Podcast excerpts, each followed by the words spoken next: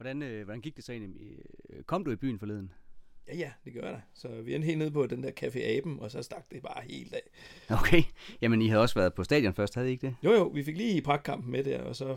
Ej, der var en fantastisk stemning, Mhm. mm-hmm. så... Øh, men det var sjovt, at jeg kom faktisk til at stå sammen, eller ved siden af en, jeg havde gået på gymnasiet med. Ja. Og han insisterede bare under den der fodboldkamp at snakke matematik. Nej. Om, hvad vi har læst dengang, og så ville han også høre om... Øh... Ja, øh, Mi- Mi- Michael, Michael. Vi, øh, vi optager, kan jeg se. Nå, har vi startet? Ja. Okay. Ups. Øh, og vi sidder bare her og snakker om fester og fodbold og matematik. Det, det går da ikke. Nej, det minder nærmest som sådan en TV2-sang fra nutidens unge. Ja, ved du hvad, det gør det da egentlig. Øh, skulle vi ikke til at tale lidt mere om det album så nu, hvor vi alligevel er i gang? Det er da en glimrende idé, Morten.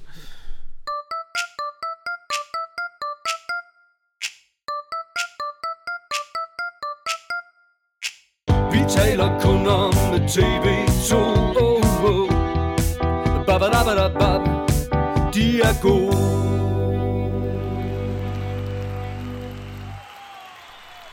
således velkommen til fjerde afsnit af Vi taler kun om TV2. Og i dag, der skal vi så snakke om, om det er Michael Meyerheim, eller Bengt Bur, eller Mikkel Krøger Rasmussen, der har været den bedste vært på lykkehjulet.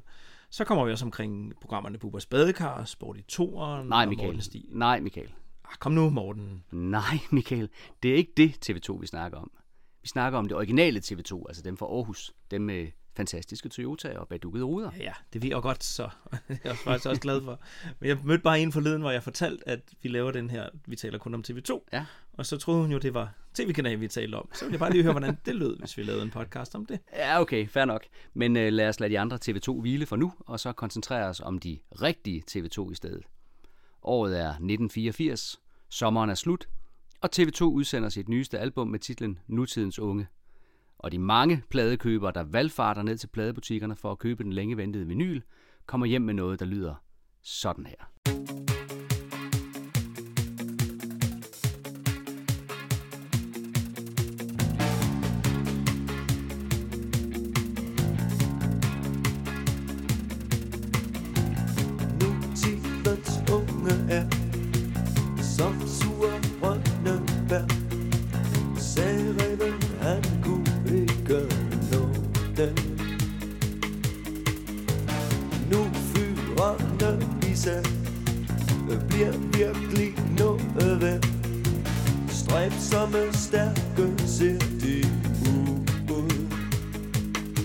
Og så hygger de sig med dans og musik. Fest og fodbold og matematik. Så snakker de om økonomi og tegner den fremtid.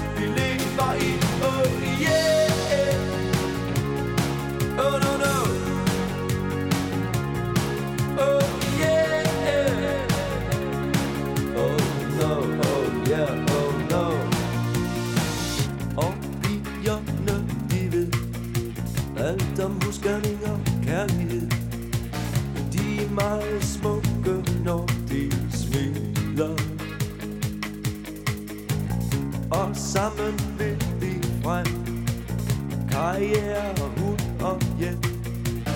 Alle hver for sig og bliver glade og så hygger de sig med dans og musik. Fester, fodbold og matematik. Så snakker de om økonomi og tegner den fremtid Vi lever i. Så hygger de sig med dans og musik. Hvis der er fodbold og matematik Så snakker de om økonomi og tegner den fremtid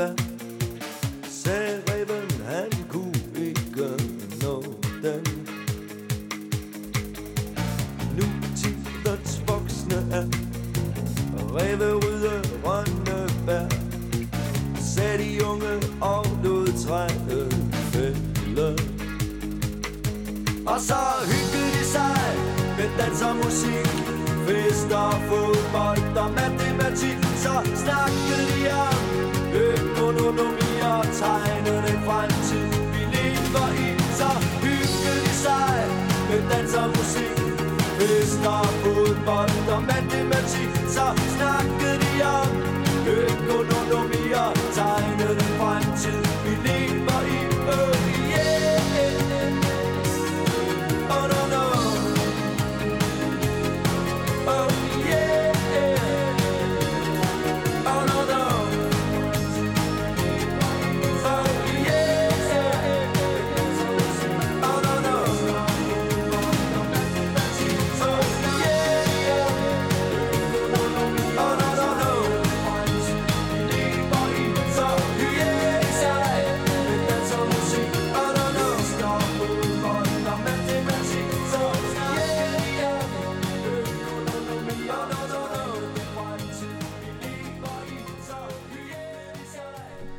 Jamen, vupti, så er jeg bare 17 år igen. Ja, men øh, jeg sad også lige og tænkte på, at du så meget ung ud i dag. Tak skal du have. Så, øh, og det, det er altså lidt sjovt. Det er bare tre toner af den der sang, og så sidder jeg på min skibsbriks igen og hører den her plade på LP. Ja, jamen øh, skal vi så ikke sørge for at komme i gang med at snakke om den, inden din mor råber, at vi skal spise? Jo, jeg har også blækregning for til i morgen. ja. ja, men det er dejligt, at vi igen kan sidde og føle os som nutidens unge, og det er endda selvom sangen slet ikke hedder nutidens unge. Nej, det er rigtigt. Den hedder faktisk øh, Reven og Rønnebærne, og så er den opkaldt efter det danske ordsprog, der lyder, de er sure, sagde reven om Rønnebærne, ti han kunne ikke nå dem. Jeps. Og det ordsprog stammer oprindeligt fra Aesops fabel, Reven og druerne. Men da man ikke rigtig kendte druer i Danmark i gamle dage, så ændrede man druerne til rønnebær. Også fordi rønnebærgelé kun blev spist af adelen til vildt kød, og da bønder og andet godt folk ikke havde adgang til vildt kød og dermed rønnebærgelé, så sagde man, at det sikkert også smagte surt. Men jeg kan altså godt lide Rønnebærgelé. Ja, men du er også sådan lidt københavnersnud fin på den. Så siger vi det. Nå, jeg er altså ikke for fin til at sige, at lige præcis den her sang, måske nok mere end nogen andre, at det øh, definerede min øh, gymnasietid. Øh, ja, min ungdom i det hele taget. Så øh, jeg, jeg vil nok påstå, at takket være den her sang, så glemmer jeg nok aldrig helt, hvordan det var at være teenager. Nej, tak til Steffen Brandt for, at vi altid går rundt med lidt dårlig hud, sved under armene og en ulykkelig forelskelse lige rundt om hjørnet. Ja, det kan jo være, det var det, han mente, da han sang om at øh, tegne den fremtid, vi lever i. Åh oh ja, sådan har jeg faktisk aldrig tænkt på det, men øh, det gør det da bare endnu mere genialt. Øh, noget andet, der er genialt her, det er altså Svend Gavls trommespil i omkvædet. Der er jeg helt enig. Så øhm, i det hele taget så får Svend bare alt for lidt kredit for, hvad han leverer bag de her trommer i øh, TV2. Det er du fuldstændig ret i. Øhm, her helt konkret, så er jeg vild med, at han i første halvdel af omkvædene kun spiller lille tromme på 60 laget, mens han så i anden halvdel spiller mere almindeligt på 2 og 4. Og når det så går helt amok til koncerter, så spiller han på alle fire slag. Det giver en sindssygt god effekt, og det er noget af det, der bare løfter nummeret og gør det til en koncertfavorit. Ja, det gør det. Øhm, og det er fedt, du gider nørde med, med takslagene. Så, ja. Men altså, det her nummer, det, det bliver jo også spillet live øh, altid. Og øh, så bliver det introduceret med de her ord. Selvfølgelig kunne vi ikke drømme om at komme til vores yndlingsby uden at have en yndlingssang med til vores yndlingspublikum. Der kommer her.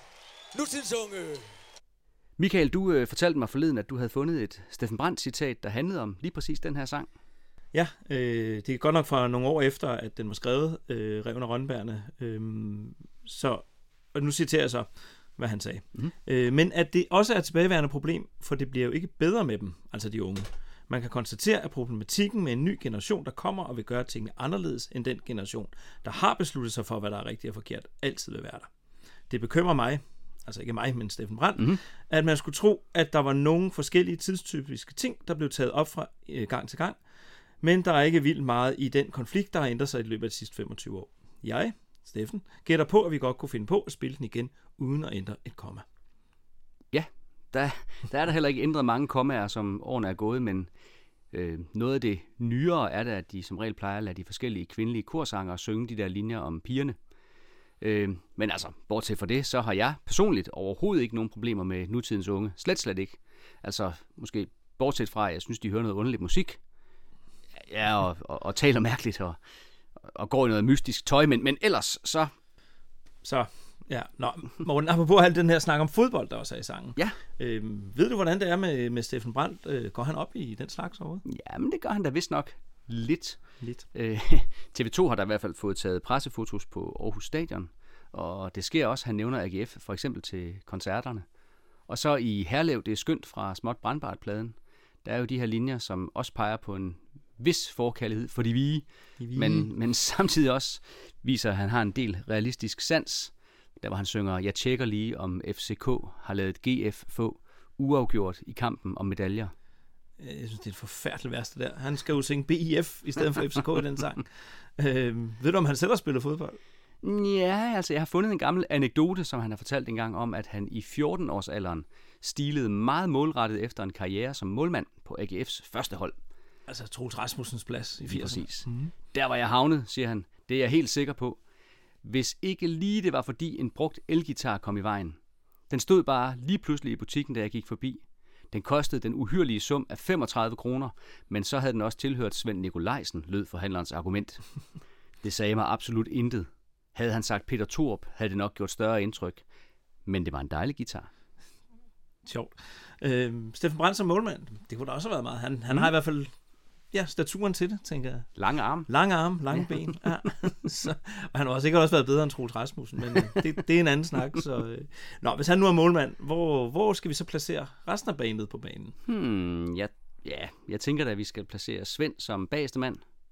Og så kan vi sætte H.E. og Georg ud på fløjene. Det er en fin opstilling. Så, øh, men så tænker jeg bare, at de Aarhus Horns, mm. de spiller, spiller de ikke lidt for rent til, at øh, nogle af dem kan spille falsk nier? Øh, jo, det vil nok aldrig gå. Men nu skal du huske, at jeg holder med Vejle.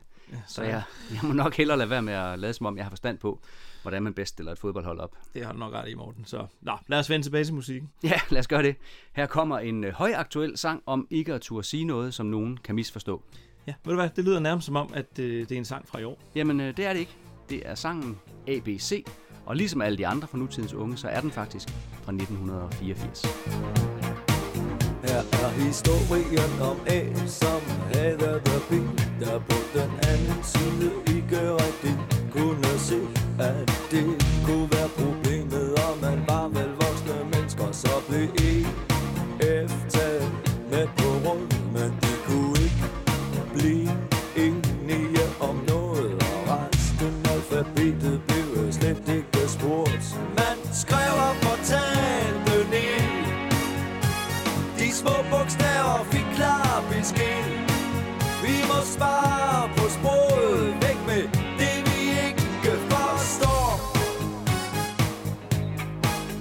strøg prikken over i'et Så røg bollen over å Så blev spørgsmålstegnet fyret Svaret bedt om at gå. Det blev meget lettere at være dansker igen øh, Til sidst gik sproget helt i stå. Ingen tur og sige noget Nogen kunne misforstå. Og man lod frygten få øh, det er sidste ord Man skrev og fortalte små bogstaver fik klar besked Vi må spare på sprog.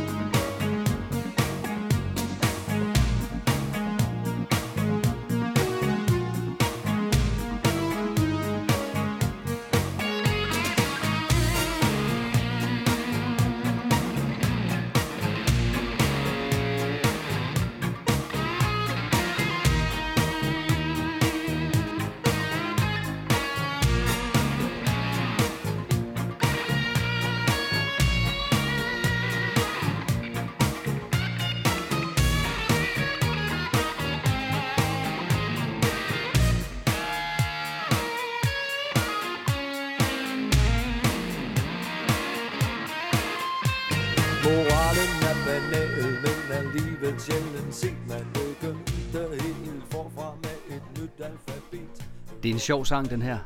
Og- Og jeg kan huske, at jeg tit har brugt den som eksempel, når jeg har skulle overbevise nogle ikke TV2-fans om. Findes de? Jamen, der findes nogen, og mange af dem ved jo slet ikke, hvor dygtig en tekstforfatter Steffen Brandt er. Øhm, og i den her sang, der er så mange sådan nogle, øh, hvad skal man kalde dem, sproglige vidigheder. Ja, altså bare starten, ikke? Mm. Øh, historien om A, som havde B, der på den anden side ikke kunne se, at D kunne være problemet. Og man er vel voksne mennesker. Lige præcis. Og så blev E, F taget med på råd, og de kunne ikke blive enige om noget, og resten af alfabetet blev slet ikke spurgt. Det, det fungerer bare på så mange niveauer, det der. Ja, dengang i hvert fald, fordi i dag så hedder EF jo så EU, og det, det havde jo så ikke fungeret. Ah, det ville ikke have været helt lige så sjovt, hvis han skulle synge EU der. Øh, Jeg har en dreng, der går i 0. klasse lige nu, og han øver sig jo helt vildt i at skrive bogstaver. Og når han så sidder der og sætter bogstaverne ind i bogstavhuset og forholder sig til, om det skal under linjen eller om det skal op over linjen, så skal jeg stå bagved og bide mig selv i underlæben for ikke hele tiden at sige, og mellem linjerne er de alle lige store. Og jeg, jeg, jeg kender ham, han ville blive lige så træt af det, hvis jeg stod og sagde det hele tiden. Den her dreng, hvad er nu, han hedder, Morten? Jamen, han hedder Svend. Ja, selvfølgelig hedder han det. Man skulle næsten tro, at øh, At han var opkaldt efter Svend Gavl? Ja. Jamen, øh, selvfølgelig er han det. så er du nok også lige nødt til at fortælle lytterne, hvad din anden søn hedder. Ja, altså han hedder Georg, så det, Okay, så, ja, så er det oplagt spørgsmål her. Hvorfor er der så ingen af dem, der hedder Steffen? jamen, det er faktisk, fordi det net- netop er for oplagt, synes jeg. Okay, jeg tror nok godt, jeg forstår dig. Mhm. Mm, ja, det ville også være lidt sjovt, ikke? øh, men du kan jo få et par drenge til. Der er Ja, to, ja. to navne tilbage. Ja, Ja, så, nå, tilbage til sangen, Morten. Øh, jeg vil også lige reklamere for, at den har en ret vild guitar solo. ja og et fedt groove. Øhm, og så kom jeg til at tænke på, og det er så her, du lukker ørerne, Steffen Brandt, hvis du lytter med, at noget af teksten virker som noget, der også godt kunne være skrevet af Shubidua. Du ved, sådan med alle de her sproglige vidigheder og finurligheder. Det, det, det kunne godt have været med på en Shubidua-plade. Ja, men det er jo heller ikke nødvendigvis noget negativt, så jeg kan, jeg kan godt se, hvad du mener. Mm, præcis. Mm. Men så er der lige et niveau mere i Steffen Brandts tekster, fordi her da jeg genlyttede den for- forleden, så fik jeg faktisk helt gåsehud, da jeg hørte de her linjer igen. Til sidst gik sproget helt i stå. Ingen turde sige noget, nogen kunne misforstå. Man lod frygten få det sidste ord. Altså, jeg mener i forhold til den debat, debat der er i øjeblikket om, hvorvidt nogle ord er farlige eller stødende. Så lige en påmindelse om, at vi nok skal passe på, at sproget ikke kommer til at gå i stå, så frygten får det sidste ord. Nå, Morten. Inden det bliver helt for mørkt, så øh, skal vi ikke tænde lys. Jo, lad os gøre det. Har du taget en øh, lampe med? Nej, men jeg har husket lanternen. Ah.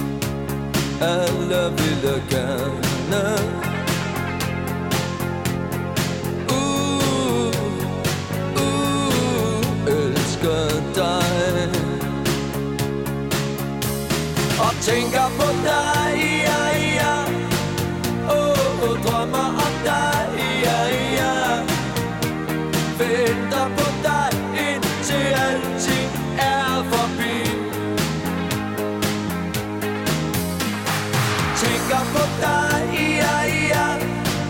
Åh, oh, drømmer om dig, ja, ja. Venter på dig indtil alting er forbi. Åh oh jeg ville gerne tænde, tænder din lanterne. Uh, uh, elsker dig. Men jeg, jeg er ingen stjerne og er alle, alle ville gerne.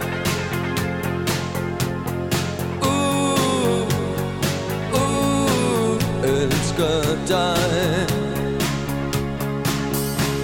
Og tænker på dig, ja, ja. Åh, oh, Morten, det der, den sang, det er en klassiker. ja, det er vist ikke en overdrivelse at kalde den det.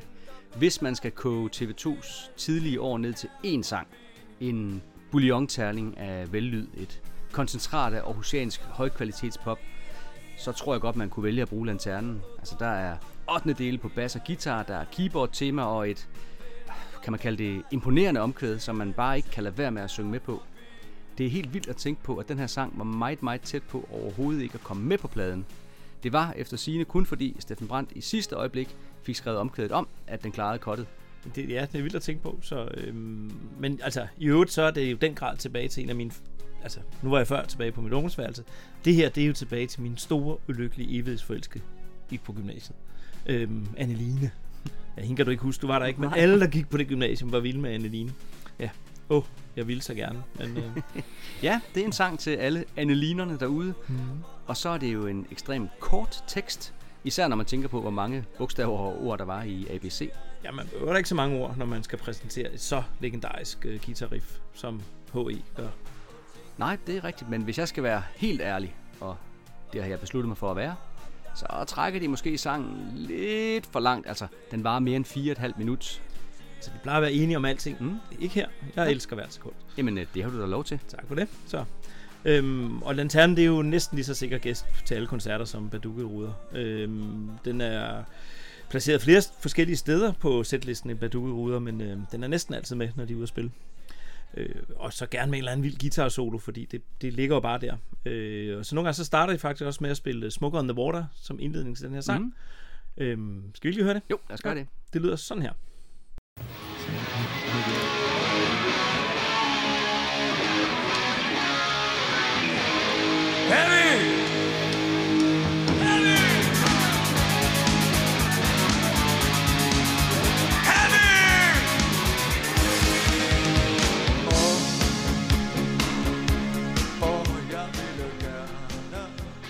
Jeg oplevede jo et Steffen Brandt optræde sammen med Thomas Helmi til åbningen af Aarhus Festuge for nogle år siden. Og her sang Thomas Helmi Lanternen, og inden han sang den, så sagde han, at han opfattede sangen som en gospelsang. En gospelsang lige frem. Jeps. Og til den samme koncert, der fik jeg mit livs første decideret ud af kroppen oplevelse. Virkelig. Mhm. Mm-hmm. Hvordan? Jamen altså, for det første, så synes jeg, det var sådan lidt underligt at se Thomas Helmi og Steffen Brandt stå sammen på scenen på samme tid. Og så for at gøre de ting endnu mere underlige, jamen så sad jeg lige ved siden af Peter A.G. Ham fra... Øh, Ja, ham fra... Øh, som kender af den her podcast vil vide, så er det ikke mit favoritorkester, han er fra. Og da Thomas Helmi og Steffen Brandt så gav sig til at synge Knacks-sangen under bøen, ja, så var det det hele begyndt nærmest at dreje lidt rundt. Men du overlevede. Ja, for det var faktisk en fin koncert, og langt hen ad vejen, så var det også en sjov oplevelse. Selvom jeg skulle sidde ved siden af ham der, du ved nok. Ja, så... Øh, det, da de så optrådte sammen, Mm. mm. og Thomas Helmi sang øh, Lanternen, Mm. mm. sang Steffen Brandt nogle af hans sange. Ja, altså så vidt jeg husker, så havde han oversat uh, Stupid Man til dansk, og så sang han uh, Nu hvor du har brændt mig af med et twist. Altså som sådan et øh, twist-nummer. Øh, det kan jeg ikke lige høre fra mig. Nej, nej, med et twist. Med et twist. Ja, han vendte simpelthen sangen på hovedet, så den i stedet hed Nu hvor jeg har brændt dig af. Selvfølgelig gør han det. Så det bliver set fra den anden side. Yes. Ja, det er sjovt. Øhm, lige- jeg tænker lige, hvordan den der tekst nu var. Så, så øh, har jeg det godt så, og er jeg glad igen? Ja, lige præcis sådan der. Og nu hvor jeg har brugt dine penge, og nu hvor jeg har suget alt, hvad der minder om kraft ud af dig, og så videre, og så videre. Apropos fodbold. Mm. Det er genialt, det der. Lige præcis.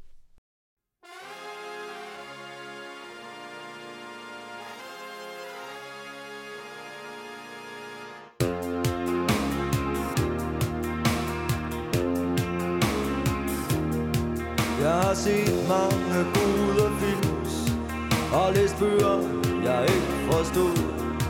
Jeg har skrevet om kærligheden Uden at nogen har savnet noget Jeg har oplevet lidt af hvert Og mest på afstand og ovenfra Jeg vil tæt på og nærmere nu og her. Jeg vil elskes og holdes af jeg vil have blod, sved,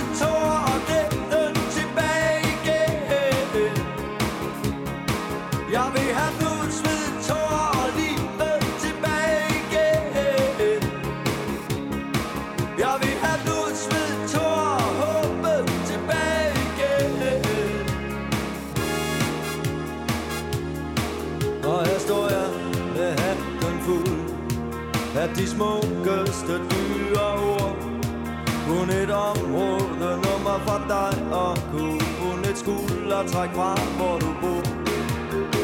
På vagtbanens dør, der kun kan sprænges op indefra Forlanger jeg alt og intet Jeg vil åbnes og holdes af Jeg vil have blod, sved, tårer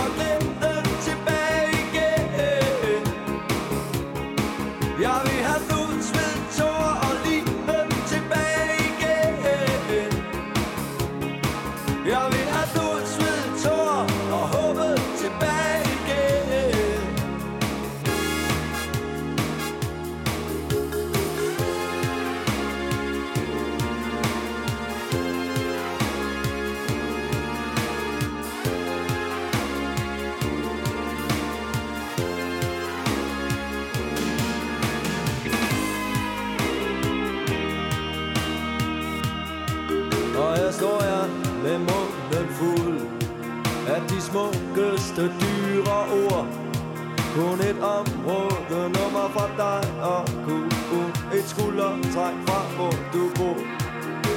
På vagtbanens dør Der kun kan sprænges op indefra. Forlanger jeg alt og intet? Jeg vil åbnes og holdes af. Jeg vil have blod, sved, tårer og glæd Jeg vil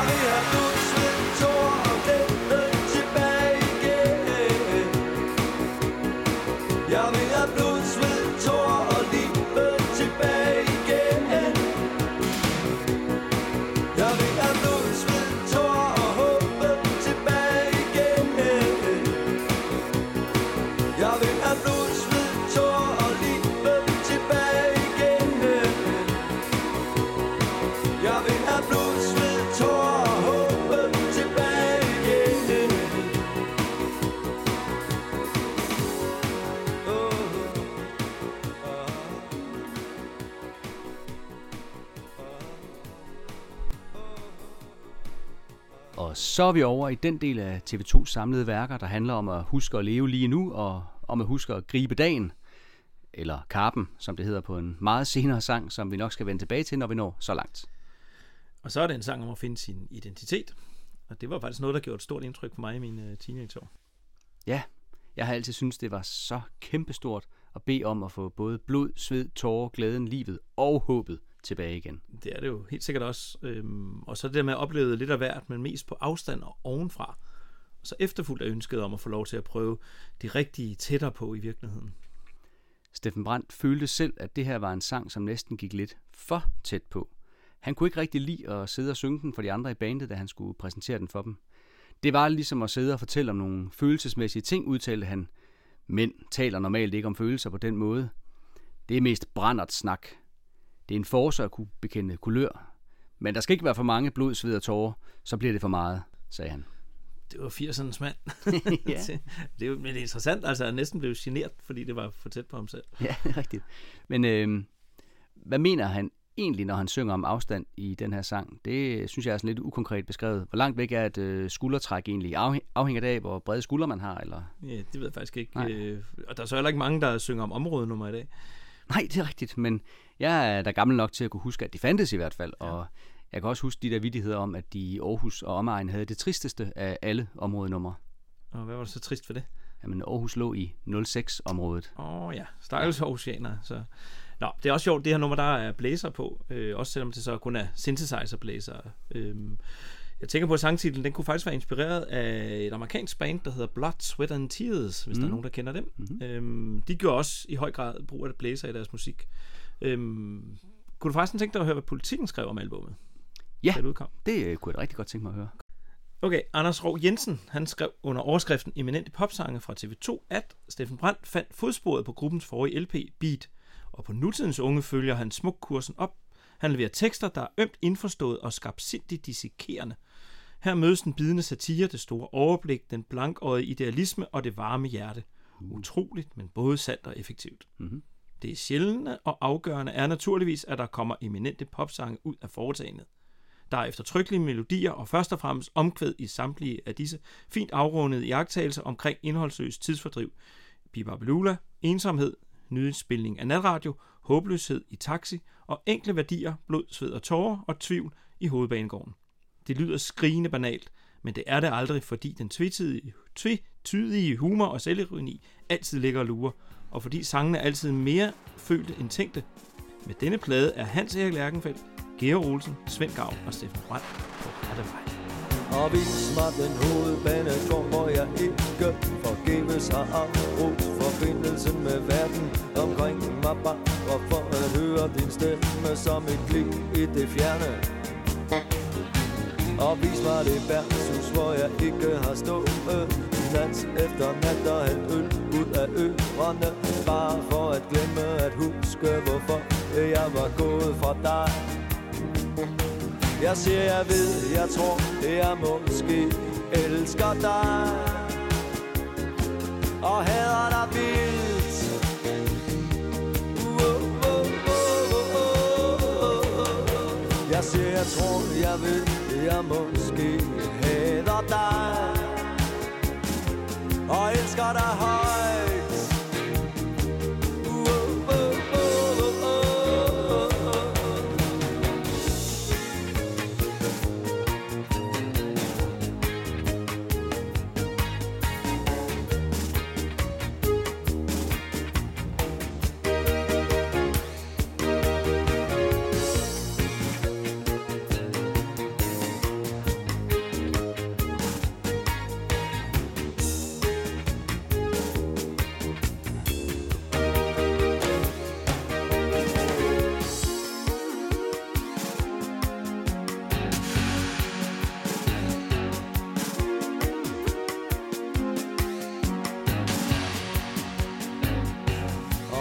den moderne mand, som ikke med glæde ville bytte sin habit for en lille smule spænding. Lidt had og kærlighed i sin fritid et par timer efter søndagens sport. Personligt ved jeg ikke rigtigt, når jeg bare lidt tager tur ned ad trappen efter endnu en nat. For næste morgen at vågne op i dine arme Ansigt til ansigt med den store kærlighed Jeg siger jeg ved, jeg tror, jeg måske så fik vi også hørt Hovedbanegården. Det er måske en af mine yndlingssange på hele pladen. Der er også noget med, at du har en eller anden skummel fortid ved DSB, er der ikke? Jo, det har jeg så også, men det er nu ikke kun derfor, at det er en af mine favoritter. Men altså, hvis vi partout skal omkring noget togrelateret, så, så synes jeg da faktisk, at de får skabt en fantastisk fornemmelse for lyden af en hovedbanegård i introen og i mellemstykket. Altså, jeg ser for mig, hvordan sure sovevogne bliver arrangeret rundt på baneterrænet, mens bogstaverne på afgangstavlerne flimrer forbi, og det ene højtalerudkald efter det andet proklamerer sporændringer og forsinkelser. Sikkert nogle associationer, du får der. Så. Jeg er også glad for den her sang, for der er jo nogle ret fine billeder af teksten. Så også det der bare, det han nævner søndagens sport. Mm. Øh, jeg synes, det er et skoleeksempel på, hvorfor TV2 sange er så genkendelige i ens egen hverdag. Ja, der er altid mere sport om lidt. Ja. Og så kommer vi også lige et smut på værtshus. Hvor vi hælder øl ud af ørerne. Ja, har du set i coveret, der står faktisk vand. Altså, han hælder vand ud af ørerne på... Okay. Det står der faktisk, men du har helt ret i, han, han synger øl. Ja, og så synger han noget meget staccato-agtigt. Øh, det er jeg ret vild med, og det, det er Ja. meget Steffen. Ja. Det er meget Steffen ja. Ja. ja. Ligesom det der med, at han kan finde ud af i et og samme omkvæd at synge om både at elske og hade på, på én gang. Og det tror jeg, alle, der nogensinde har prøvet at være i et, et længere farforhold, de kender til. Og så prøv lige at lægge mærke til trommer og basspil i versene. Det er så godt. Og melodien i omkvædet. Altså, det er vanvittigt smukt. Ja, altså jeg tror faktisk også, det er en sang, de har arbejdet en hel del med at få til at lykkes. Øhm, jeg har fået fat i en demoversion af sangen, hvor detaljerne ikke er 100% på plads endnu. Vil du høre lidt af den? Ja tak, vildt gerne.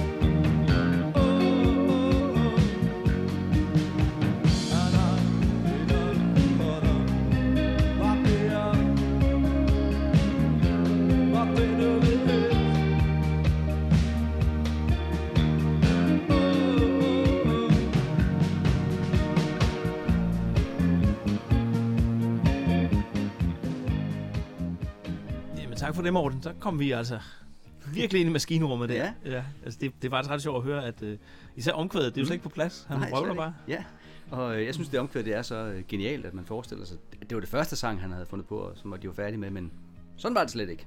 Nej. Morten, nu er det tid til, at vi lige skal få styr på nogle facts omkring nutidens unge. Ja, det synes jeg også.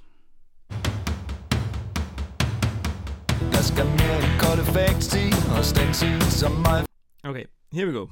Nutidens unge, det blev udgivet i september 1984. Det indeholder originalt 10 numre, men øh, da det så blev udgivet på CD året efter, så kom Vil du danse med mig? Det blev erstattet med det såkaldte Nonomics, ligesom popmusikernes vise kom med i det såkaldte Dopmusikernes Clubmix. Og faktisk så var det der med at udkomme på CD, det var så nyt dengang, at øh, Berlingske Tidene, de breakede det som en nyhed, at TV2 nu kunne fås på det nye medie Compact Disc i januar 85. Wow. Det er længe siden. Ja, det er det godt nok. Begge remixes havde DJ'en Kenneth Bager i øvrigt taget sig af. Det minder mig for øvrigt om, at vi glemte at fortælle i forrige afsnit, at uh, Kenneth Bagers remix af popmusikernes vise, det var Danmarks første maxi-single. Uh, men vi er vel ikke for store til at glemme noget i ny og næ. Nej, og hvem kan overhovedet huske, hvad en maxi-single er? Nej. Nå, øhm, albummet har til dato solgt 103.000 eksemplarer, og det skal sammenholdes med, at forgængeren Beat solgte ca. 54.000 styk. Faktisk solgte nutidens unge så hurtigt, at pladeselskabet ikke nåede at uddele sølvpladerne til orkestret for 25.000 solgte plader, før den havde nået at sælge til guld, altså 50.000 plader. Derfor holdt de en kombineret sølv- og guldpladeceremoni. Og pladen blev produceret og mixet af Michael Brun, som indtil da var mest kendt for at være medlem af Tøsedrengene. Og senere så skrev han så også musikken til Recepten, men det er en helt anden historie. Michael Brun nåede at producere ca. 25 sange i alt for TV2, men han døde desværre i maj 2021. Ja, rest in peace. Øh, orkestret de udtalte sig altid meget pænt om Michael Brun. Øh, blandt andet så sagde Svend Gavn følgende i forbindelse med udgivelsen af pladen i 1984. Det har været et fint samarbejde. Michael mixede et af vores gamle numre om, og da vi hørte det, var der ingen tvivl. Han havde fundet ting frem, som vi ikke anede lå i musikken. Og så er han jo så professionel, at musikalske baggrundsforskelle ikke har spillet nogen rolle. Steffen Brandt udtalte, at indspillingerne havde været hårde for Michael Brun, men gode for TV2. Han har lavet en god lyd, den vi gerne vil have frem. Samtidig har han været indpisker. Han har forlangt, at der blev arbejdet hele tiden. Ja, det er jo rigtigt. Pladen har jo en god lyd. Ja. Så, og man kan sagtens holde ud og høre på den på repeat i dag. Øhm, den er indspillet og mixet i Puk Recording Studio ved Randers og i Werner Studio i København. Og på Puk-studiet, så blev det også starten på længerevarende samarbejde mellem TV2 og det berømte studie, som ligger langt uden for Randers. Det er fuldstændig rigtigt. TV2 indspillede både den her plade, og rigtige mænd gider ikke høre mere vrøvl, og en dejlig torsdag her.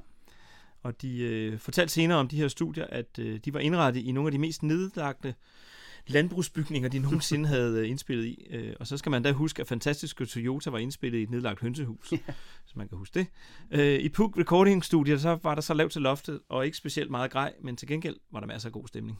Orkestret var på fuld forplejning, som pladeselskabet betalte, og på et tidspunkt syntes deres repertoirechef, at der var lige lovlig mange af studiets venner og bekendte og fjerne slægtninge, som deltog i ordningen. Han foreslog derfor, at alle rejste sig op og sang Tak for mad, CBS-sangen. Og lige præcis den her sang er ikke kommet med på et TV2-album. Endnu. Endnu. vi kan glæde os til det. Yes. Øh, kan du forresten huske, at vi tidligere snakkede om, at TV2 havde en forholdkærlighed for gamle øh, sangtitler, som de lånte?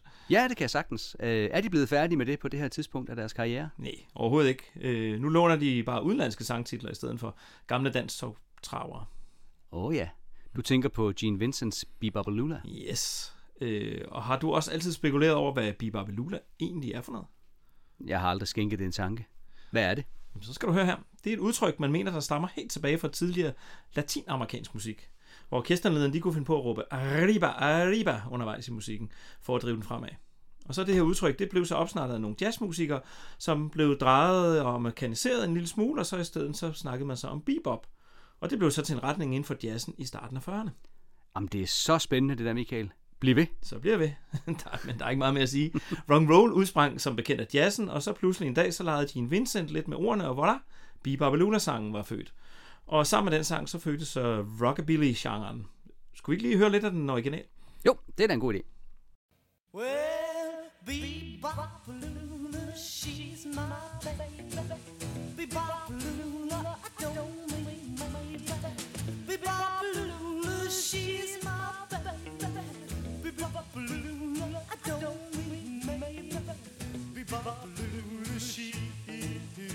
baby doll. Well, she's the gal in the red blue jeans. Det var et vildt interessant musikforedrag, Michael. Mm. Og så nævnte du slet ikke, at uh, The Beatles også havde nummeret på deres uh, live-repertoire i Hamburg-dagene. Nej, for det er dig, der plejer at snakke om The Beatles. Øh, jeg undlede også at nævne, at andre prominente navne har indspillet den her Bebop Lula. Cliff Richard, Queen og Boney M. Ha! Jeg vidste det. Jeg vidste det bare. Selvfølgelig skulle Boney M med igen. Vi havde da ellers en aftale, Michael, men... Øh, åh ja. Bortset fra det, så var du forresten helt forkert på den. Det er slet ikke det, Bibabalula er. Jo, altså nu har jeg siddet og researchet det her. Jeg har både været på Google og Wikipedia. Så det er det, Bebop Lula er. Nixon. Jo, det er. Nej, Nå, hvad er det så? det er fuld fart frem uden at se sig tilbage, og det er bevægelse på stedet, og det er ord uden mening, og jeg kan bevise det. Hør her.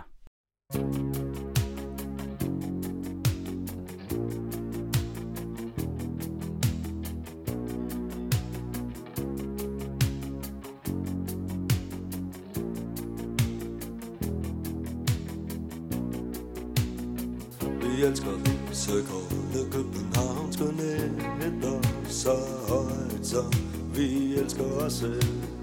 Se hvor venlige alle smiler Se hvor følsomt vi sammen slår tiden ihjel. Og nogen brækker sig af glæde over livet i det nærmeste havnebassin. Mens andre morer sig lidt mere diskret Snakker verdens fjert om det rene ingenting Ind til byen hjem igen og la la la la Op til baren, ned igen og hvad vil du have? Hen til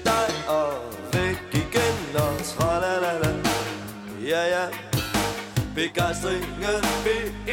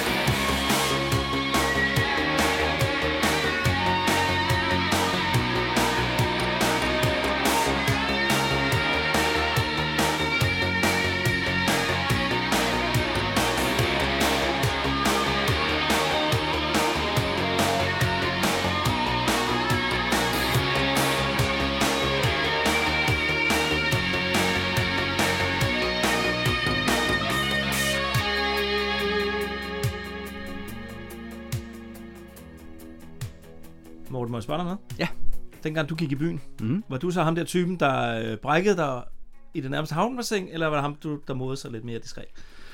Oh, jeg tror, jeg var ham, der øh, brækkede mig lidt diskret. God kombi, så øh, det her det er jo nummer, man slet ikke kan sidde stilling til. Altså, det her det er mit all-time yndlings TV2-sang, Mm-hmm. sammen med en 5-8 andre. der er bare så meget gang i den. Yes.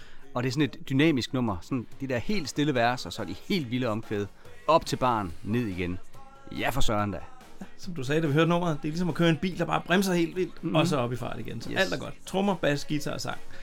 Altså, hårene, prøv at kigge, de rejser sig på kroppen af mig, på den fede måde. Og så når de synger om begejstring, der er ingen tage. Ja, de er kommet et stykke vej siden Hjertestop på Verden af det Underlige. Kan du huske den? Ja. Ja, hvor begejstringen manglede, og stillstanden var total. Ja, det var, det, det, det var ikke så godt dengang. Så. Dengang jeg hørte Reven og Rønnebærne, så sagde jeg, at jeg var tilbage på mit ungdomsværelse og skibsbrik, så blækregning og alt det der. Og så på Biba Beluna, så er jeg på en lang og vild bytur. Øh, den dag i dag, så hører jeg den bare altid, når jeg er på vej til ja, hvilken som helst koncert, eller jeg skal til fest. Så den der, den skal på. Så scroller jeg med. Okay, um, så er det nok meget godt, at vi ikke er på vej til fest lige nu. Ja, okay. Det har du måske ret i, fordi øh, jeg scroller igennem. Det kan jeg godt love dig. og Biba Beluna, det er jo uden mening. Hmm. Jeg, får, jeg skulle lave sådan en t-shirt. Mm. Ja, Biba Beluna er en tilstand. Ja, og så kunne du vælge at skrive dit uh, jazz, bebop, rockabilly foredrag på ryggen af t-shirten. Det var da en god idé. Ja. så har du nogensinde lagt mærke til, at Steffen Brandt rent faktisk øh, gaber, der hvor han synger om, at øh, han gaber kæberne af led. Han gaber kæben af led. Ja, og jeg kommer altid til at gabe med. Selvom jeg på ingen måde er hverken træt eller søvnig. Den ene abe får den anden til at gabe. Det er vildt irriterende. Men øh, som københavnersnude er du vel begejstret for, at sangen foregår i København og ikke i Aarhus? Ja, det er en dejlig ekstra kvalitet. Så øh, det er faktisk et smart ting, der bandet, ikke? For det, nu gør de så lige pludselig til hele landets yndlingsorkester. Og ikke bare de der øh, AGF-fans og aarhusianske helte. Ja, det er helt klart på grund af den linje der, de er... Ja. men, men selvfølgelig, når man lige tæller Ja, op efter... og ned af strøget også. ikke? Ja, jeg kan godt se det. Og så er der jo egentlig mange danske byer, han sådan fornævnt, helt, hvis man tæller hele vejen igennem TV2's samlede værker. Altså før TV2, hvem savnede så lige en sang om Ikast, eller Varde, eller Bjerringbro, eller Voldum? Nej, det, det, det kan kun være folk fra de respektive byer. Godt tænkt, Steffen Brandt. Ja, det, er- det er faktisk meget godt tænkt. øhm, nå, men den her sang, den er jo fantastisk også, fordi den altid er med til koncerter. Og den sørger bare altid for, at der er helt vild gang i den. Også selvom de har hørt den før 100 gange alle sammen. Ja, jeg, jeg tror, det her det er sang nummer to, der kommer på sætlisten efter Bagdukkede Ruder. Øhm, TV2's koncerter på turnéen i forbindelse med nutidens unge blev beskrevet som et triumftog med udsolgte huse de fleste steder. Ja, jeg øh, fandt sådan en lang artikel om en koncert i Grenå, som faktisk var ved at blive aflyst, fordi der var simpelthen var for stor efterspørgsel. Okay. Ja, de måtte indkalde det ekstra brandvagt for at få lov til at afholde koncerten. Jeg gad altså godt have oplevet dem live dengang, men for det første så var jeg slet ikke fan endnu, og for det andet så var jeg også lidt for lille. Jeg fandt også en beskrivelse af TV2 som øh, liveband i Aarhus Stifttidende fra øh, december 84. Prøv at høre en gang her.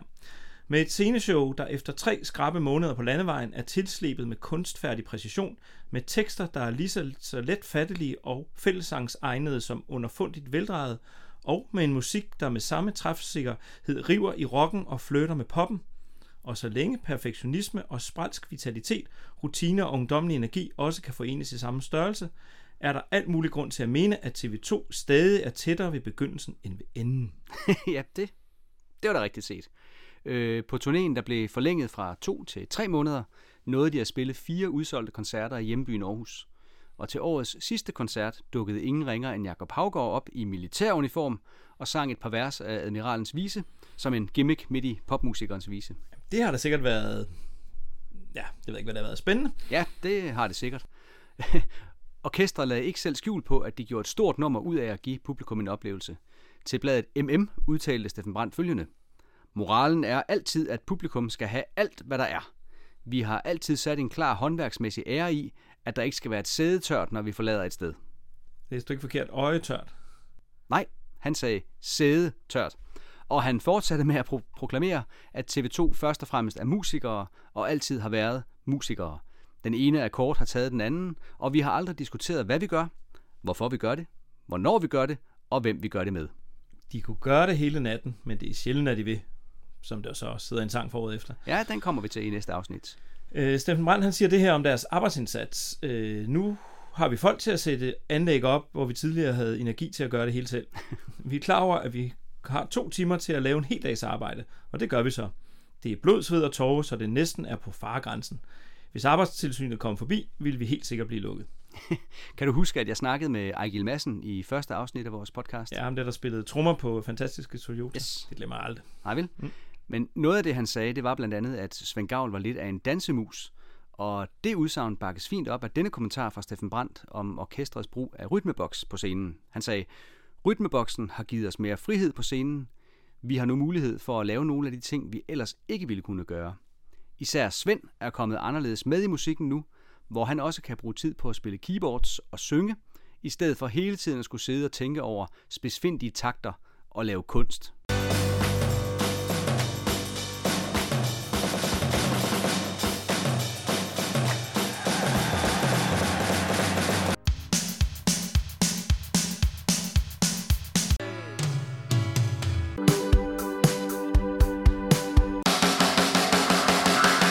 Nu er du jo lidt øh, ældre end mig, Michael, så måske lidt. kan du huske, om man kunne få lov til at opleve TV2 i fjernsynet det år? Jamen, det kunne man godt. Øh, I oktober så medvirkede de den gang, eller endnu en gang var det i Eldorado, Eldorado, som det hed hos Jørgen Mylius. Øh, der spillede de Vil du danse med mig? Øh, det klip, det kan du finde ud på YouTube. Øh, jeg så det lige her forleden. Øh, ja, der er så mange ting at snakke om, hvis du ser det. Okay, som, som hvad for eksempel? Ja, det var selvfølgelig playback. Ja. Øh, det var det på tv dengang. Øh, og de, de, de, de forsøgte heller ikke at lade som om, at det ikke var playback, øh, eller det var live. Øh, for eksempel så står Steffen Brandt i starten og spiller saxofon. Han trykker ikke på en eneste knap på instrumentet. og så er det så værd at bemærke, at de optræder i øh, hvide skjorter. Okay. Men jeg troede altid, at de optrådte helt i sort i de unge år. Øh, det der med det sorte tøj, Morten, det er en skrøn, det er en myte. Men øh, hvis du nogensinde har hørt nogen, som forsøgte at bilde ind, at Steffen Brandt stod og mimede sin sang til en halvnøgen danser inde i et bur, så har, så har de ikke løjet. Det er ikke myte. Hvad for noget? Hmm? Er der en halvnøgen danser inde i et bur? Hmm, altså øh, uden at komme til at lyde alt for meget som en af husarerne, så, øh, så må jeg vist hellere ind på YouTube og finde det klip senere i dag. Jamen, det må du hellere, det synes jeg også, alle de andre skal gøre. øh, så kan du så også se Geo med solbriller og Svend, der står allerforrest på scenen som en anden dansemus. Men øh, skulle vi ikke bare høre den sang, de optrådte med? Jo, det er en god idé. Men øh, så synes jeg lige, vi skal overveje, om vi skal spille den version, som var med på LP'en, eller om vi skal spille det der Nonomix, som de fleste kender. Øh, lad os slå pat og krone. Plat, så tager vi originalversionen, og krone, så bliver den Nonomix. Okay, har du en øh, mønt på dig? Nej, så vi ordner det via MobilePay. Okay, Jeg starter. Okay, nu. Det blev krone. Her kommer, vil du danse med mig? Nonomix.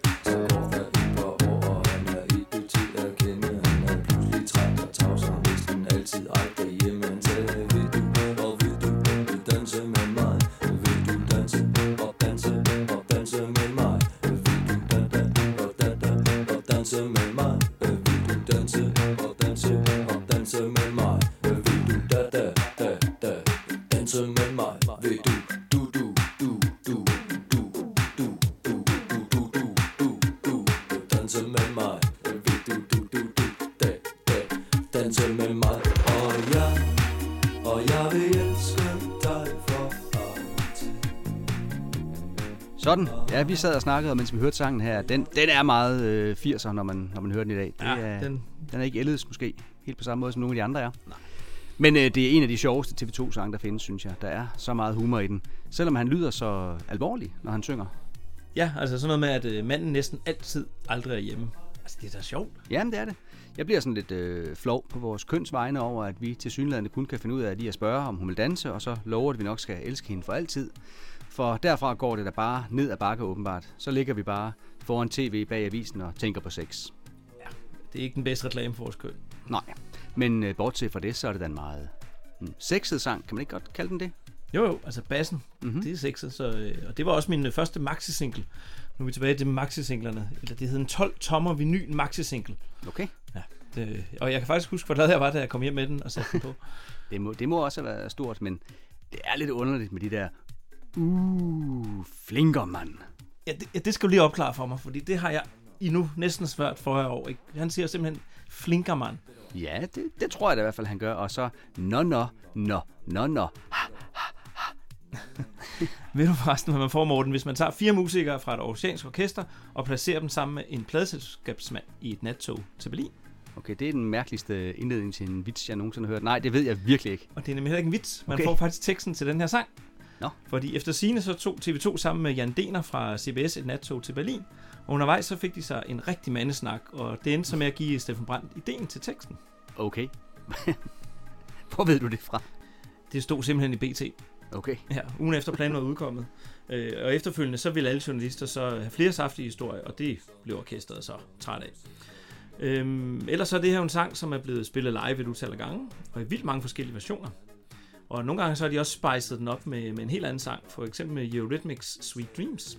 Ja, og så mit yndlings mashup, som jeg hørte første gang fra Smukfest i 2016, hvor øh, sangen bliver blandet med B-52's Love Shack. Lad os øh, høre lidt af den.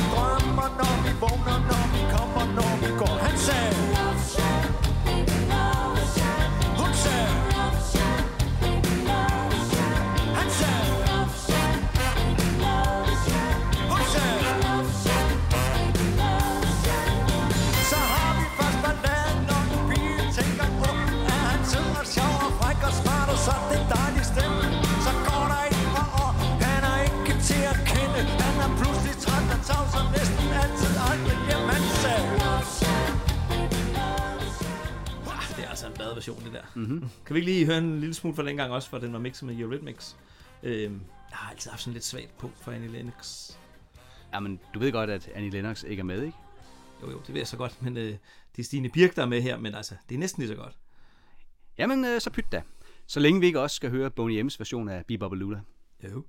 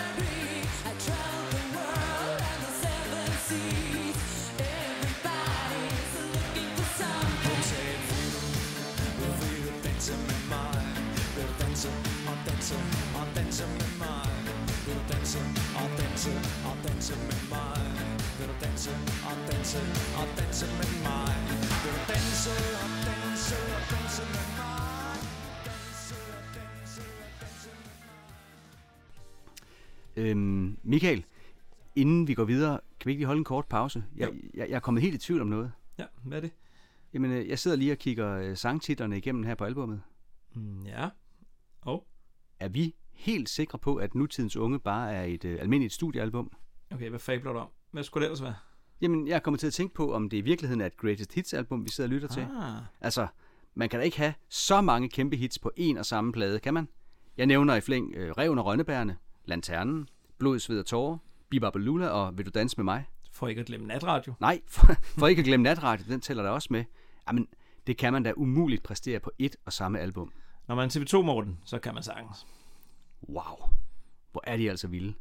Ja, og man skulle faktisk godt tro, at de selv vidste, de var i gang med at udgive en plade, der næsten kun indeholdt hits. Øh, fordi lige omkring øh, pladens udgivelsesdato, så skulle de spille i Tivoli i København. Okay, til, til fredagsrock. Det var der så ikke noget, der hed i 84. Øh, dengang, der foregik den slags om søndagen. Mm. Men øh, inden koncerten, så sagde Steffen Brandt til politikken, at det var svært at vide, om pladen indeholdt en oplagt efterfølger til deres, indtil deres største landeplage. Det var så popmusikernes vise. Ja. Øh, internt i orkestret, så havde de flere kandidater til sange, som de hver sag troede på, men øh, det mest oplagte bud, ifølge dem selv, det ville nok være en nyindspilning af natradio. Jeg øh, snublede over BT's anmeldelser for den gang, og de mente faktisk ikke, at der overhovedet var noget klart hit på pladen. Der må vi så bare konstatere, at øh, de tog fejl. Lad os høre albumversionen af Natradio. Natradio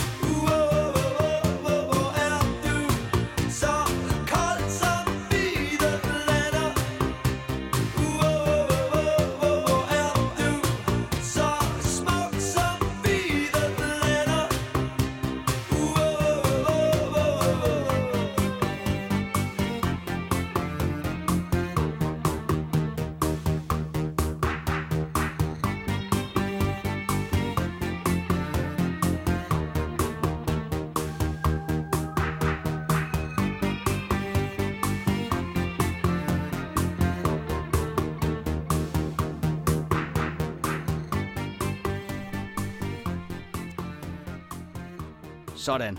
Det er et hit, det der. En klassisk Steffen Brandt finte med et stille vers uden alt for store melodiske spring. Og så et omkvæd, der bare nærmest tvinger dig til at synge med. Du kan bare ikke lade være. Ja, lige nøjagtigt. Vi kunne heller ikke lade være her. Der sad vi også og sang med på omkvædet. Ligesom øh, når vi er til koncert, så Yes. synger de også med på omkvædet hele talen. Så, øh, og det er jo egentlig også et smukt billede, det der med de hvide laner. Ja. ja hvis man ellers fanger det. Øh, jeg var til en fest en gang, hvor... Ja, de hed Lars Pernille. Jeg, jeg siger det her, men øh, de kræ- afkrævede mig simpelthen en svar på, øh, om, om det kunne passe, at de, de sang, om det var hvide laner. Det kunne de bare ikke få ind i deres hoveder. Okay.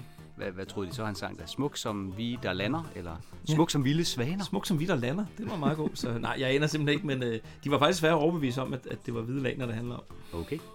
Jeg er vild med til koncerter, når vi på den her sang bliver bedt om at assistere Svend Gavl med at klappe rytmisk med. Ja, det ser faktisk lige så fedt ud, som når vi så senere svinger til armene, eller med armene til badukket ruder. Mm. Øhm, men nu har vi haft sådan lidt af anmelderne af BT, der ikke lige synes, der var nogen hits der i 84. Øh, men men hvad, hvad sagde de ellers? Var de andre også utilfredse? Nej, tværtimod. Øh, Holbæk Amts Venstreblad skrev under overskriften Hit på hit følgende. Musikalsk er TV2 mere i ørefaldene og skarpere end nogensinde på den nye plade. TV2 har fået krop bag klæderne, og nutidens unge bliver ikke bare en gigantisk salgssucces. Det bliver også en af de plader, der kommer til at tegne den danske pop- og rockscene i dette årti. Og med sådan en fin anmeldelse, så vælger jeg at tilgive anmelderen for, at han i samme ombæring hævder, at TV2's to første plader bare skulle have udgivet som EP'er i stedet. Eller måske endda bare som singler.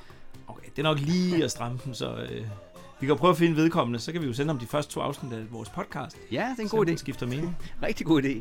Og nu må du alligevel være i gang med at snakke om de første to afsnit af vores podcast. Så havde vi sådan en tilbagevendende ting, hvor vi læste op fra Lars Villemoses anmeldelser fra Information. Ham med de mange ord. Yes. Vi er vel ikke så heldige, at han også anmeldte nutidens unge. Jo, det har vi da. Eller Yes. yes. er vi da? Så vi har den her. Han skrev det her. TV2 er dansk pops klareste, lysende lanterne.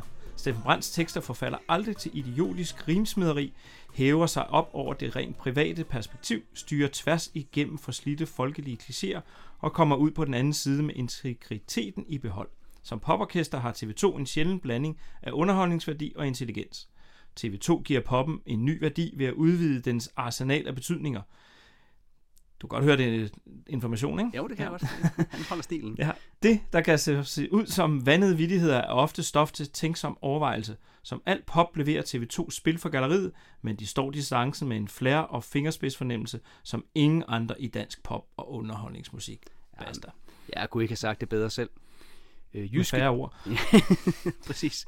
Øh, Jyske Tidene skrev, TV2 lever 100% op til rydet som en af tidens stærkeste navne på den danske rockscene. Var det ikke fordi tekster og musik hører uløseligt sammen, så kunne Steffen Brandt uden videre udgive sine tekster som en digtsamling. Hver eneste tekst er båret oppe af dybe meninger, skærende sandheder og vidunderlig surrealisme.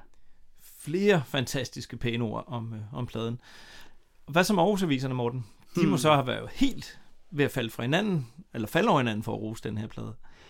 Nej, en profet er sjældent velset i sin hjemby, ved du nok, så i Jyllandsposten skrev en vis Paul Brasso, at helhedsindtrykket er lidt svagere i forhold til TV2's sidste beat, som havde et hit i popmusikernes vise, og en betydelig stærkere gendækning af et klassisk rocknummer, Pretty Woman, end Bibabalula på den nye plade. Det skyldes ganske enkelt, at sangen Pretty Woman har langt større musikalske kvaliteter.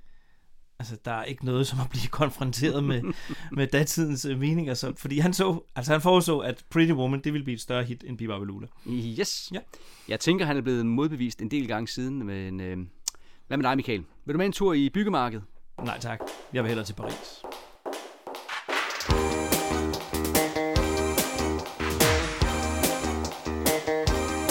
Og jeg gider ikke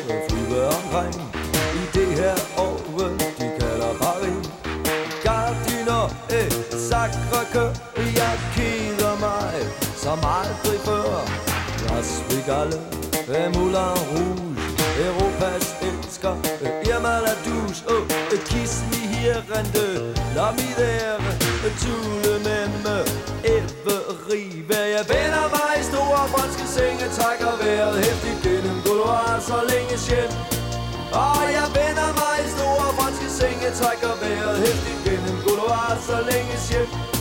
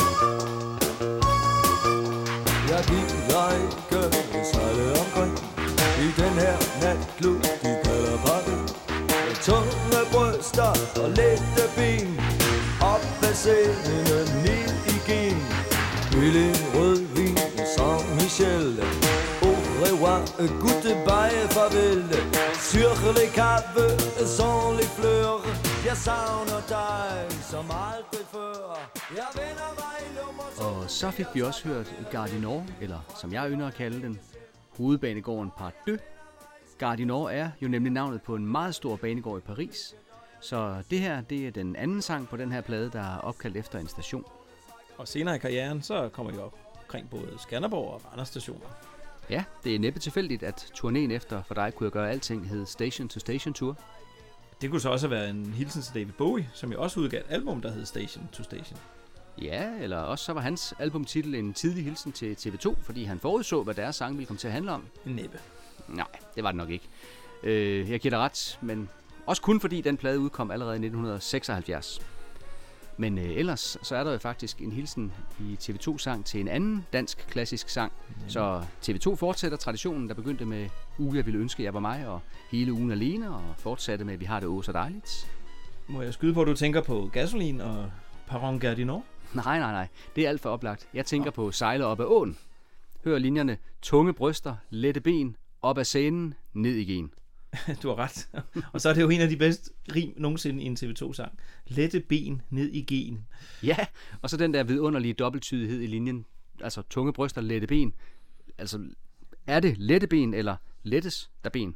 Jeg tror, du kan tolke det lige som du vil, Morten. Så, øhm, I stedet for så vil jeg hellere have, at du fortæller om, hvem hende der Europas elsker, Irma Ladus der. Jamen, uh, Irma La Douce, det er en fransk musical fra 1956, som senere blev lavet som amerikansk film med Jack Lemmon og Shirley MacLaine. John Lennon Nej, Jack Lemmon. Ham fra Knævende Gamle Mænd. I nye biler. Stop dig selv, Michael. ja. Suk. Jamen, du plejer at snakke Beatles, det skulle da godt være John Lennon. Så. Ja. Jeg synes, den her sang indeholder nogle fine pointer om det der med at længes hjem, når man er ude, og længes ud, når man er hjemme. Øh, Min kone og jeg, vi udlevede sangen i 2009, da TV2 skulle spille i Paris. Vi tog nemlig derned for at høre dem. Altså, jeg elsker, at I ikke gør noget halvt. Så, så I tog toget, men så kunne I så ligge og vende jer i sur sovnvogn. Det gjorde vi nemlig. Ja. Så vi ankom helt friske til Gardinor om morgenen, og så var vi klar til koncert om aftenen. Og kan du gætte, hvad for en sang de spillede? Altså, nu satte sig hele butikken. Badukkede ruder. Ja, selvfølgelig spillede de badukkede ruder, men de spillede også Gardinor, og den havde jeg aldrig hørt live før. Vil du høre, hvordan det lød? Oui, monsieur. En sang, I kan høre, som allerede er i gang, er en sang, som har ventet næsten over 20 år på at blive spillet her i Dyrkens by. Der.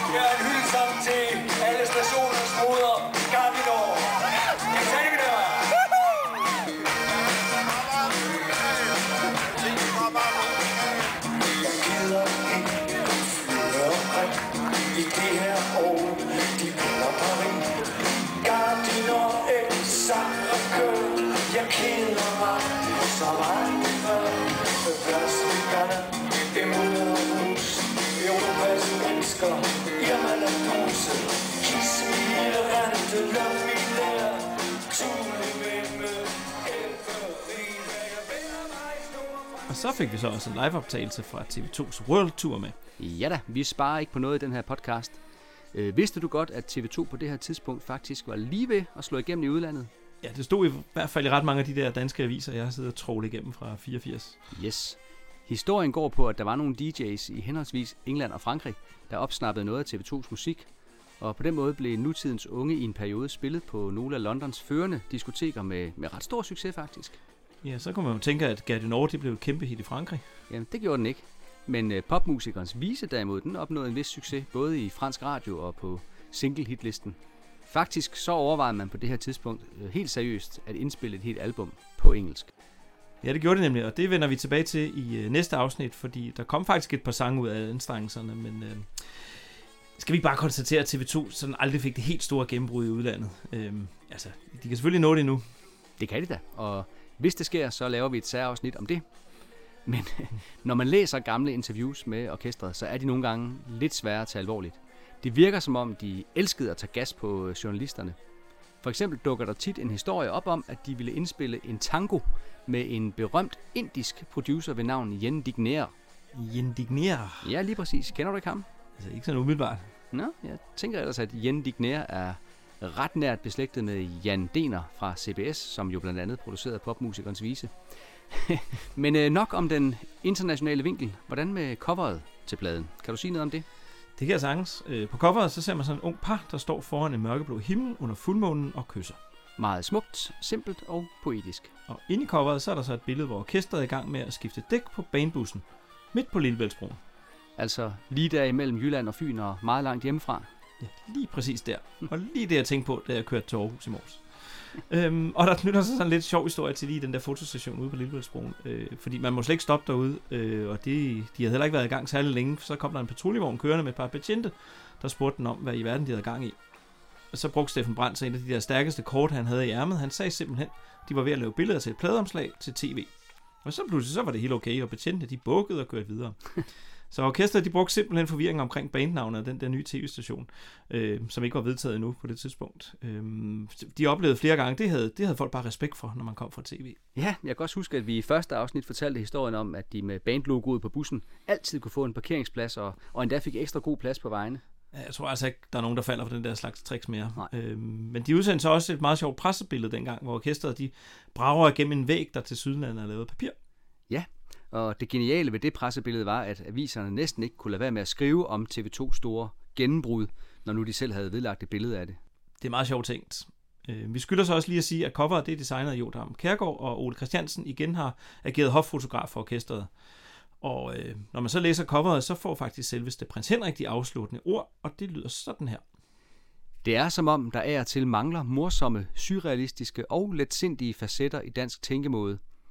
Havde vi det, ville livet faktisk blive ikke så lidt morsommere. Og med disse vise ord er vi nået til albumets sidste nummer, der hedder Taxi.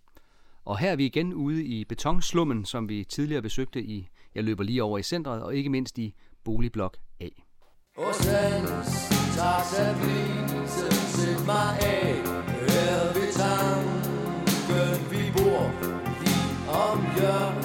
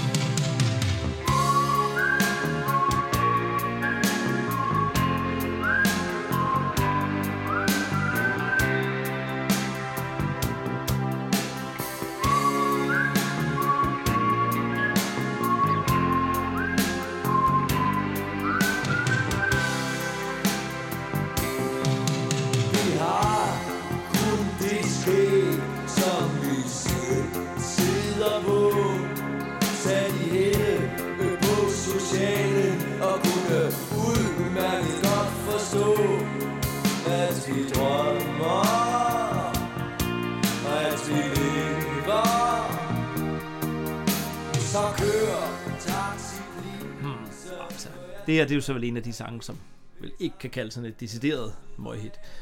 Nej, det har du nok ret i, men det er en meget, meget smuk sang. Og, Det er det. Og faktisk så er det meget typisk TV2 øh, at slutte af med en, med en stille og smuk melodi på deres plader. Ja, så er det så meget typisk Steffen Brandt, at det så lige skal fløjtes undervejs. Ja.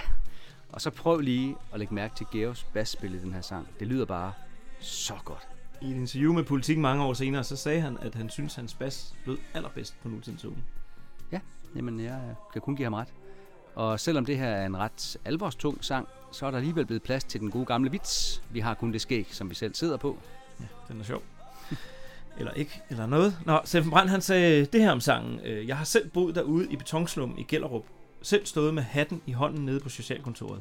Og det er ikke blevet sjovere at være på bistandshjælp siden dengang. I er altså også midt i fat 80'erne. Ja, det er det, det er det. Øh, ifølge orkestret selv, så havde de isoleret sig i hele januar måned for at skrive sange til albummet, og da januar godt kan være en lidt trist tid på året, så mente Steffen Brandt selv, at der måske godt kunne komme lidt øh, sentimentale melodier ud af det, og det er Taxi måske et meget godt eksempel på. Ja, de påstod faktisk, at de i den der skrivefase isolerede sig 100%, og de tog ikke engang telefonen. De kom kun ud, når de var sultne. Men det var de så efter eget udsagn heldigvis ret tit. Jo, okay. For lige at komme i øh, godt humør igen, så vil jeg fortælle, hvad Ebbe Rosander skrev om pladen i Berlinske Tidene. TV2 tegner et billede af nutidens unge. Det er ikke et ukritisk billede. Teksterne er ikke kun positive, men de bliver aldrig bedrevidende eller nedladende. Musikken er præcis, lige på og fyldt med stemninger. Steffen Brandt har fået et sammenspillet en sammenspillet musikalsk enhed bag sig, Svend Gavl, Georg Olsen og Hans-Erik Lærkenfeldt, kommer midt i teknikken til deres fulde ret. TV2's musik har fået en bredere appel, uden at den har mistet slagkraft. TV2 har med dette lille mirakel lagt op til et stort efterår. Lille mirakel. Mener han? Den her plade, det er et kæmpe mirakel, Morten. Ja, men ellers må, må man nok sige, at det er en ret positiv anmeldelse. Okay. Øh, hvordan er det lige med os to? Plejer vi ikke også at anmelde pladerne? Jo, det gør vi. Øhm, og så bruger vi vores egen TV2-skala fra 1 til 6. 6 er bedst, og en stjerne, det er stadig bedre end et album, hvor ham der Peter A.G. er forsanger. Øh, Jeg talte i telefon med min søster forleden, og hun, hun havde hørt de første afsnit af podcasten. Hun, hun synes, vi er for hårde ved knacks. Og hvad svarede du så? Jeg svarede ikke noget, jeg lagde bare på.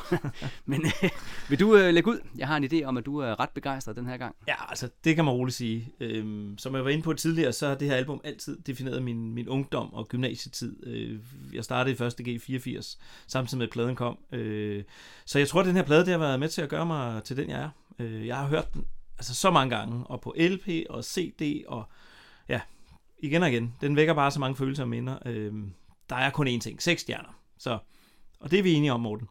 Mm, nej, ikke helt. Jeg har tænkt meget over det. Jeg tror, jeg lander på fire stjerner. Fire stjerner. At, øh, hvorfor? Jamen, jeg kan jo godt høre, at den her plade, den er spækket med hits, og det er nogle fantastiske sange, men altså, sådan har jeg det med alle TV2's albums. Og det, det her album, det, det udkom jo bare, inden jeg blev fan, så jeg blev ikke ramt på samme måde, som du blev. Det var dengang, du havde TV2. ja, jeg, jeg lavede ikke mærke til det lige der, vel, så jeg har ligesom samlet sangene op bagefter, så på den måde, så er det ikke et album, jeg har dyrket, så jeg kommer til at give flere stjerner til nogle af de senere albums, det er jeg helt sikker på, men, men fire stjerner her.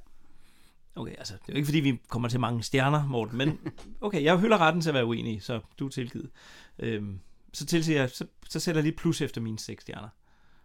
okay, det er i orden. Så trækker vi det op. Det er helt i orden. Jeg, jeg synes jo også, det er et fantastisk album. Jamen, det er det også, altså, så øh, er der noget andet, vi lige skal huske at få med? Øh, ja, vi kan da nævne, at tv-kanalen Weekend TV kårede TV2 til årets navn i 1984. Ja, og TV2 spillede på Roskilde Festival året efter, øh, hvor de havde store problemer med elektronikken. Så Steffen Brandt han endte simpelthen med at stå underholdt i, cirka et kvarter med historie om sin militære fortid i Fredericia. Så publikum tog efter sine, afbrydelserne roligt, og lyden blev til sidst perfekt.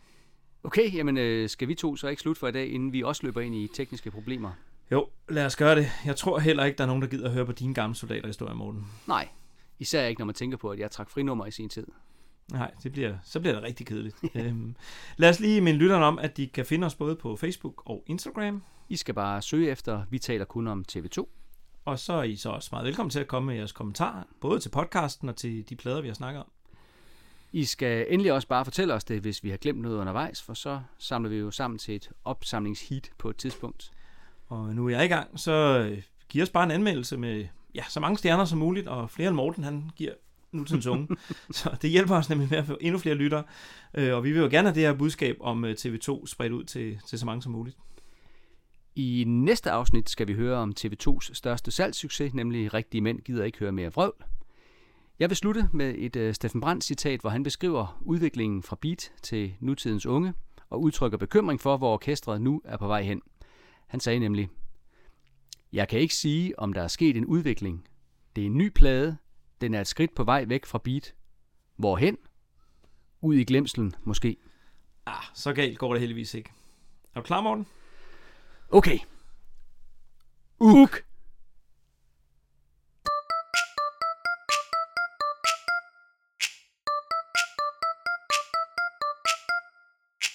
Vi taler kun om TV2 oh, oh. Ba, ba, da, ba, da, ba. De er gode